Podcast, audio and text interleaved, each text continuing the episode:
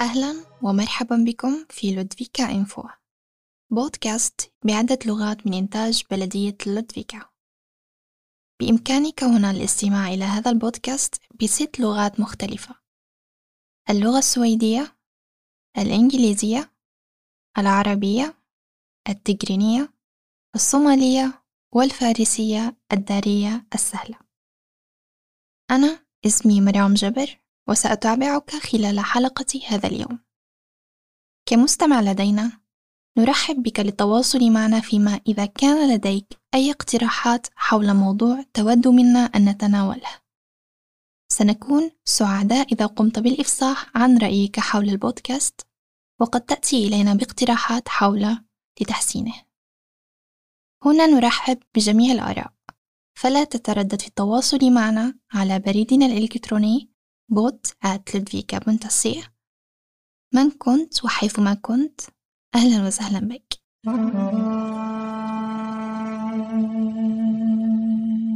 نود أن ننتهز هذه الفرصة لإخبارك بأنه وقد أجري تغييرات وتحديثات للأخبار التي تتعلق بكوفيد 19 والتي قدمت عن طريق البودكاست خاصتنا.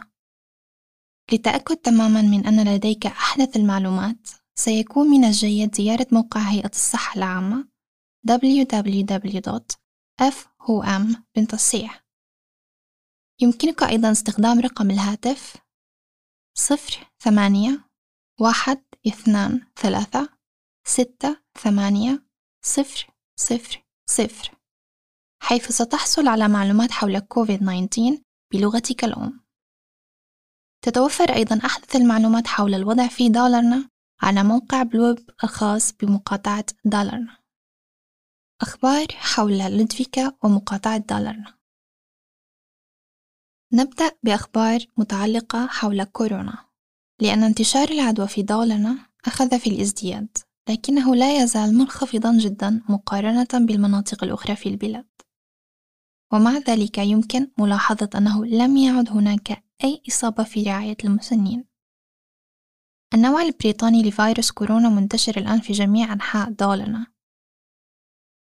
هذا وقد تلقى حوالي 16500 شخص أول حقنة لقاح في نهاية فبراير الماضي وبلغ عدد الوفيات في المقاطعة 304 أشخاص. لقد تم اتخاذ القرار بهدم مبنى مارنس سكولا الذي سيبلغ عمره قريبا 60 عاما. سيتم بناء ستة أقسام لمرحلة ما قبل المدرسة في الموقع بدلا من ذلك. نأمل أن يبدأ الأطفال في المرحلة الابتدائية في استخدام المبنى في يناير من العام المقبل. المبنى الذي يحوي غرفة الطعام والمطبخ والصالة الرياضية سيبقى كما هو. عندما تكون أقسام الحضانة جاهزة تأمل بلدية لودفيكا أن تكون مجموعات الأطفال المتوافدة أقل. هناك هدف يتمثل في 15 طفلا لكل جناح. ويبلغ متوسط المدينة الآن 17.2 طفل لكل جناح. يحصل معلمو المدارس الابتدائية في دولارنا على ثاني أدنى رواتب في البلاد. في دولارنا يكسب المعلم النموذجي عدة آلاف كورونات أقل من الأشخاص ذوي التعليم المماثل في أي مكان آخر. مدرس في مدرسة ثانوية في دولارنا مع ما لا يقل عن ثلاث سنوات من التعليم لديه متوسط 37500 كورونا سويدية في الشهر.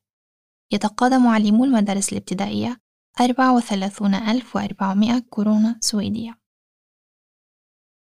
يونيكا لودفيكا. وهي منظمة تعمل على تطوير التجارة في لودفيكا. تريد الآن أن تكون أسهل بالنسبة لأولئك الذين يعيشون في لودفيكا للمساعدة والتسوق محليا أثناء الوباء. لذلك تريد إنشاء خدمة رقمية حيث يمكنك التسوق عبر الإنترنت في متاجر المدينة. مقابل الرسوم يجب أن يكون من الممكن أيضا تسليم البضائع إلى منزلك. المشروع حاليا مجرد فكرة ولكن إذا كان الناس في لودفيكا يعتقدون أن الاقتراح جيد فيمكن أن يكون جاهزا وقد ينفذ هذا الصيف. سيتعين على شركة هيتاتشي أبابا توظيف عدة مئات من الأشخاص لأنهم تلقوا طلبا جديدا لبضائع عام. سيساعد قسم في هيتاتشي أبابا في بناء وتوريد المواد لأكبر مزرعة رياح بحرية في العالم. تولد طاقة الرياح الكهرباء بمساعدة الرياح. في غضون عامين سيكون من الضروري توظيف حوالي 300 شخص معظمهم في لودفيكا. يوجد حاليا ما يقارب من 2700 موظف في لودفيكا. تحتاج ستحتاج إلى مهندسين ومشتريات ومبيعات وتسويق واقتصاديين وأيضا مديري مشاريع يحتاجون أيضا إلى موظفين للإنتاج والتجميع. الآن أعيد افتتاح السينما في لودفيكا بعد إغلاق تم منذ بداية شهر يناير الماضي. لا يزال يسمح فقط لثمانية أشخاص بدخول دور السينما. لكن مالك السينما يأمل في زيادة عدد الأشخاص المسموح بهم قريبا. منذ نهاية تشرين الثاني نوفمبر يسمح لدور السينما في البلاد باستيعاب ثمانية أشخاص فقط لكل صالون مقارنة بخمسين التي تم تطبيقها منذ ربيع الماضي. أخبار السويد والعالم.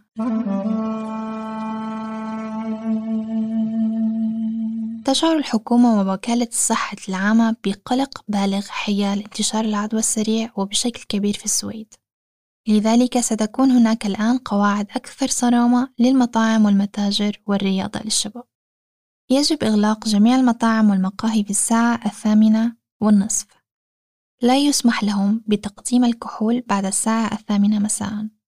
لكن بعض المطاعم سمح بفتحها في وقت لاحق من المساء لكن دون تقديم الكحول. الآن لم يعودوا يحصلون عليه بعد الآن ومع ذلك قد تظل المطاعم مفتوحة لبيع الأطعمة التي تقدم الطعام الذي يمكن أن يؤخذ كسفاري. تقول الحكومة أيضا أنه إذا كنت ستذهب للتسوق فعليك أن تذهب بنفسك. يجب أن لا تتجول مع العائلة أو الأصدقاء في مراكز التسوق والمحلات التجارية. إذ كنت ترغب في تناول القهوة في مقهى أو تناول الطعام في مطعم يقع داخل مركز تجاري فعليك أيضا أن تفعل ذلك بمفردك يجب إلغاء المسابقات والمباريات الرياضية التي ليست على مستوى النخبة. يجب أن يستمر نخبة الرياضيين والأطفال دون سن الخامسة عشر في المنافسة. تأمل الحكومة السويدية في استمرار فتح المدارس. من المهم أن يتمكن الأطفال من الذهاب إلى المدرسة. مديرو وموظفو الرعاية الصحية في عدة مناطق في السويد. قد احتالوا في عملية أخذ التطعيم.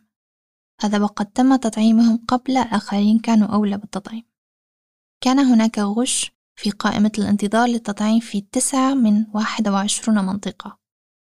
عملية اجتياز الطابور ليست جريمة لكن الشخص الذي يقوم بذلك لا يزال بإمكانه الحصول على عقوبة من مكان العمل الذي يعمل فيه الشخص. سنخبرك أيضا أن اللقاحات قد تأخرت. لم تتلقى السويد سوى ثلث اللقاح الذي وعدت به الشركات. الآن المناطق تنتظر المزيد من اللقاحات لتتمكن من تطعيم كل من يريد ذلك قبل الصيف. تأمل السويد وتهدف إلى تلقيح جميع الأفراد والأشخاص الذي تزيد أعمارهم عن الثامنة عشر عاما قبل شهر يوليو.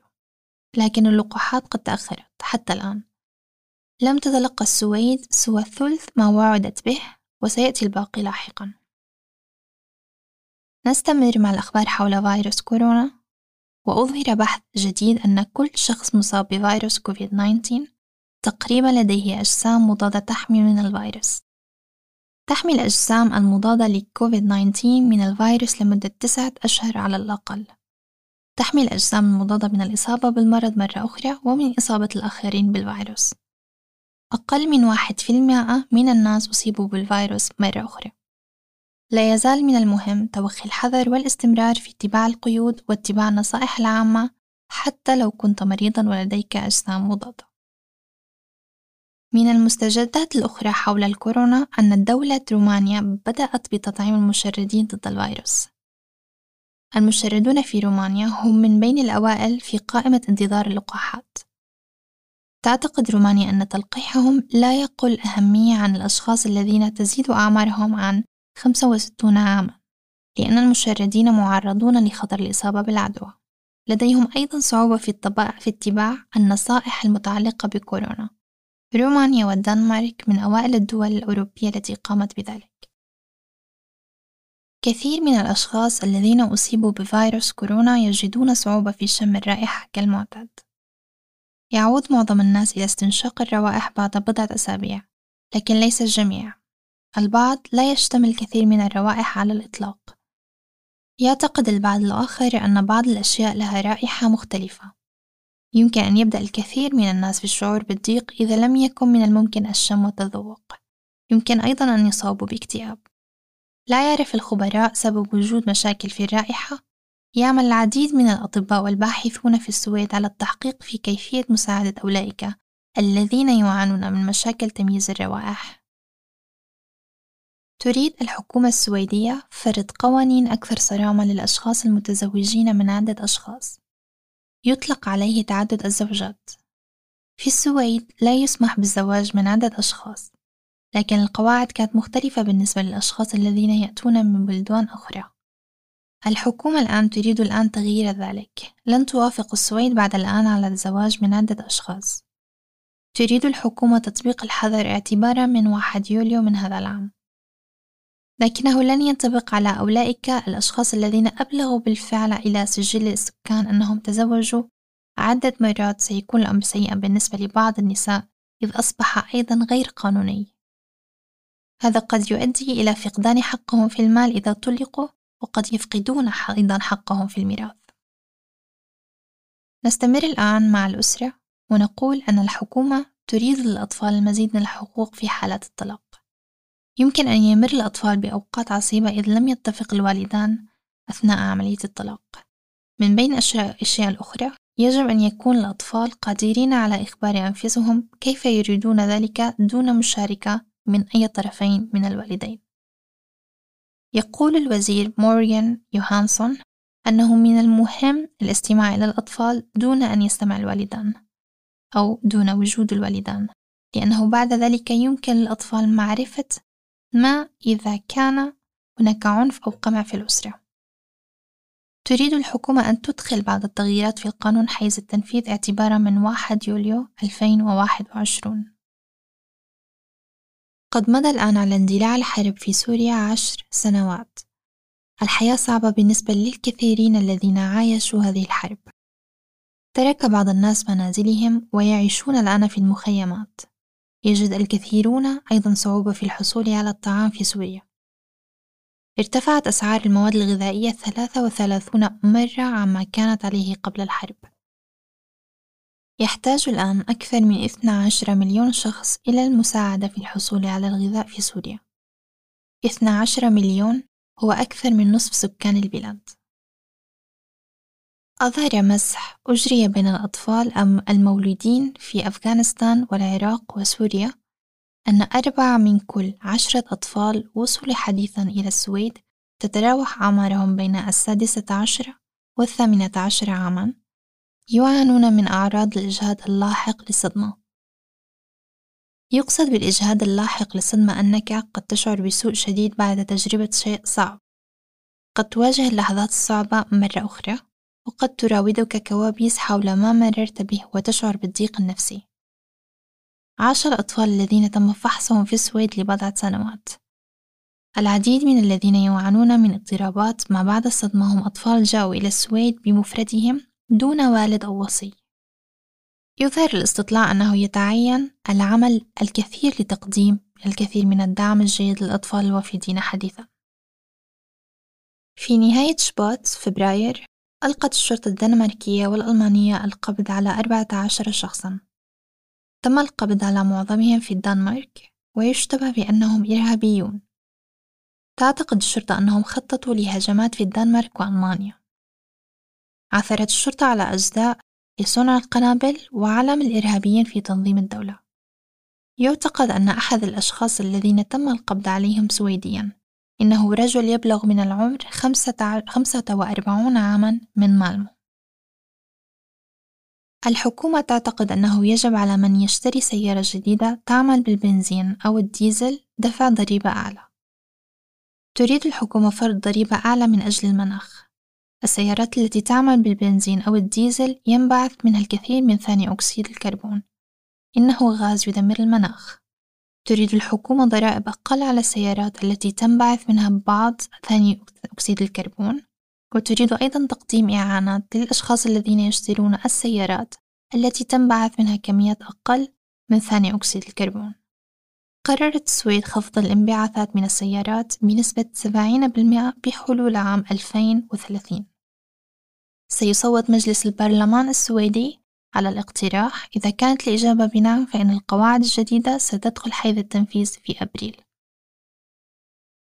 منذ فترة وليست بعيدة تم إسقاط مركب فضائي من الولايات المتحدة على كوكب المريخ. استغرقت الرحلة ستة أشهر وبعد بضع دقائق أرسل الصاروخ الصور الأولى من المريخ. لقد هبطت الصواريخ على المريخ عدة مرات لكن هذا الصاروخ له أكثر أهمية. سيأخذ الصاروخ عينات من المريخ إلى الأرض. يمكن أن تكون الصخور أو التربة ليتمكن الباحثون لأول مرة من فحص عينات من المريخ. إليكم بعض الأخبار الإيجابية لكم الذين سأنتم من الشتاء والطقس البارد.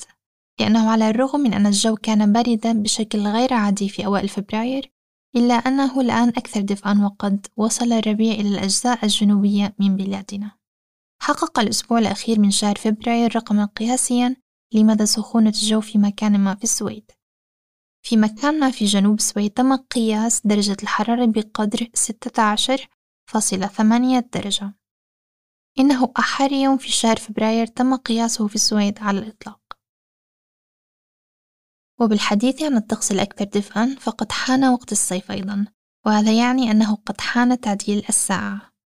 يتم ذلك في يوم الأحد الأخير من شهر مارس وهذا العام سوف يتغير الوقت في ليلة 27 مارس. في الساعة الثانية تضبط ساعتك على الساعة الثالثة. إذ كان لديك هاتف ذكي لن تحتاج إلى تغيير ساعتك لكن ذلك سيتم تلقائيا بواسطة الهاتف نفسه. في السويد حاولوا بالتوقيت الصيفي في وقت مبكر من عام 1916 لكن الناس اشتكوا كثيرا لدرجة أنهم تجاهلوا تغيير الوقت في السنوات التالية. المرة التالية التي اختاروا فيها تغيير الوقت كانت في 1908 ومنذ ذلك الحين كان لدينا وقت الصيف. تتمتع معظم الدول الاتحاد الأوروبي وأجزاء كبيرة من الولايات المتحدة الأمريكية وبعض الدول الأخرى بوقت صيفي تماما مثل السويد. لكن العديد من البلدان لا تعتمد تغيير الساعة.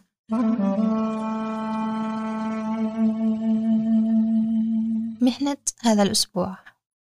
هذا الأسبوع سوف نخبرك أكثر قليلا عن مهنة رجال الإطفاء. يقوم رجل الأطفاء بأكثر من مجرد مهمة إخماد الحرائق. يعمل رجال الإطفاء على منع إصابات الأشخاص في المباني أو في البيئة في حالة وقوع أي حادث. غالبا ما يساعد رجال الإطفاء في حوادث المرور.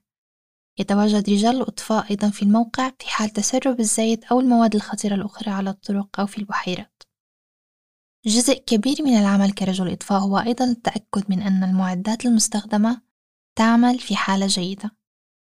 يجب أن يعتني رجل الإطفاء بالمعدات ويفحصها كما يقومون بتمارين مختلفة للتحضير لوظيفة جهود الإنقاذ. يوفر رجال الأطفال أيضا معلومات حول الحماية من الحرائق في المدارس وأماكن العمل. التدريب الذي تذهب إليه إذ كنت تريد أن تصبح رجل إطفاء يسمى الحماية من الحوادث. وتستغرق الدراسة لمدة عامين. يمكنك الحصول على أموال كمساعدة من السياسة للدراسة ويمكنك أيضا دراسة التعليم عن بعد لبدء تدريبك كرجل إطفاء يجب أن تتمكن من السباحة وأن يكون لديك رخصة قيادة وأن تكون مؤهلا من المدرسة الثانوية في دورات في اللغة السويدية والرياضيات واللغة الإنجليزية وحتى أيضا الدراسات الاجتماعية. يجب أيضا أن تتمتع بحالة جيدة وأن تكون في حالة تأهب في الجسم إذ كنت تريد القيام بعمل جيد كرجل إطفاء. في هذه المهنة من السهل الحصول على وظيفة في السويد خلال السنوات القليلة المقبلة حتى لو كان ذلك يعتمد قليلا على المكان السكني كفي السويد. متوسط الراتب الذي يحصل عليه رجل الإطفاء هو 32 ألف كورونا سويدية في الشهر. والآن ما فقرة اسألنا. هل لديك أي شيء تتساءل عنه فيما يتعلق بلودفيكا أو السويد أو المجتمع السويدي أو حتى اللغة السويدية؟ هل لديك ما تريد أن تسأل عنه أحد السياسيين في لودفيكا؟ اكتب إلينا على بريدنا الإلكتروني بود لودفيكا بنت الصيح اللغة السويدية لهذا الأسبوع المرادف هو كلمة تعني نفس الشيء ولكن باستخدام كلمة أخرى على سبيل المثال هي كلمة رطب. مرادف لكلمة رطب وكلمة نعسان مرادف لكلمة متعب. وهكذا. يعد استخدام المرادفات طريقة رائعة لزيادة مفرداتك. يوجد موقع على الإنترنت يسمى www.synonymer.ch حيث يمكنك البحث عن الكلمات والحصول على العديد من الاقتراحات للكلمات التي تعني نفس المعنى. تاريخ لودفيكا في مارنس في لودفيكا وهو ما يسمى بالمزرعة القديمة هناك العديد من المنازل والمباني القديمة التي يمكن أن تظهر كيف عاش الناس وعملوا في الماضي. يوجد مزرعة في لودفيكا القديمة أيضا متحف تعدين ويعرض مباني التعدين القديمة والآلات التي تم استخدامها من قبل. في الكوخ يمكنك أيضا رؤية كيف عاش عام المنجم في الثلاثينيات. أقدم مبنى في المزرعة يسكنه نفس العائلة وخدمها لعدة مئات من السنين منذ القرن السادس عشر. يوجد في المزرعة القديمة أيضا مقهى يفتتح في الصيف. والآن مع فقرة نصائح لهذا الأسبوع. هناك الكثير من الأشياء الجيدة والممتعة التي يمكن تصفحها على الإنترنت لكن هناك أيضا أشياء أخرى. هناك أخبار غير صحيحة وهناك أشخاص يريدون خداع الآخرين. يوجد الآن موقع جديد على الإنترنت يسمى Safe Network Safe Network قد يعتمد كمتصفح آمن لتصفحك للأشياء الجديدة والممتعة على الإنترنت. بالسويدية www.netsecra.ch أشكركم على الاستماع إلى حلقة هذا الأسبوع من لودفيكا إنفو. ولا تنسوا الاتصال بنا إذا كان هناك شيء تريد منا أن نخبرك به. ربما لديك شخص تعتقد أنه يجب أن يكون في برنامجنا. اكتب إلينا على بود@لدفيكا.ch اعتنوا جيدا بأنفسكم وتذكروا اتباع القواعد التي تتعلق بالتباعد الاجتماعي. أنا مرام جبر ومقابلي مهندس الصوت الموهوب مته نهاية حلقتنا لهذا اليوم وإلى اللقاء.